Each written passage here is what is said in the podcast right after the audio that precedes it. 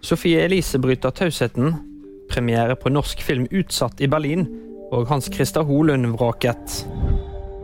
Sofie Elise kommenterer bråket rundt Instagram-bildet. Det gjør hun i dagens episode av NRK-podkasten Sofie og Fetisha. 28-åringen sier at hun tidligere ikke har uttalt seg om saken fordi hun ikke vet hva hun skal si, og at hun er dritsliten. På det omdiskuterte bildet står Isaksen sammen med en annen norsk influenser, der sistnevnte holder en pose med hvitt pulver i hånden. Gallapremieren på den norske barnefilmen Helt super er utsatt. Grunnen er en klage på stereotypiske fremstillinger av fargede mennesker. Dette skal være første gang at den tyske filmfestivalen tar denne fremgangsmåten i bruk.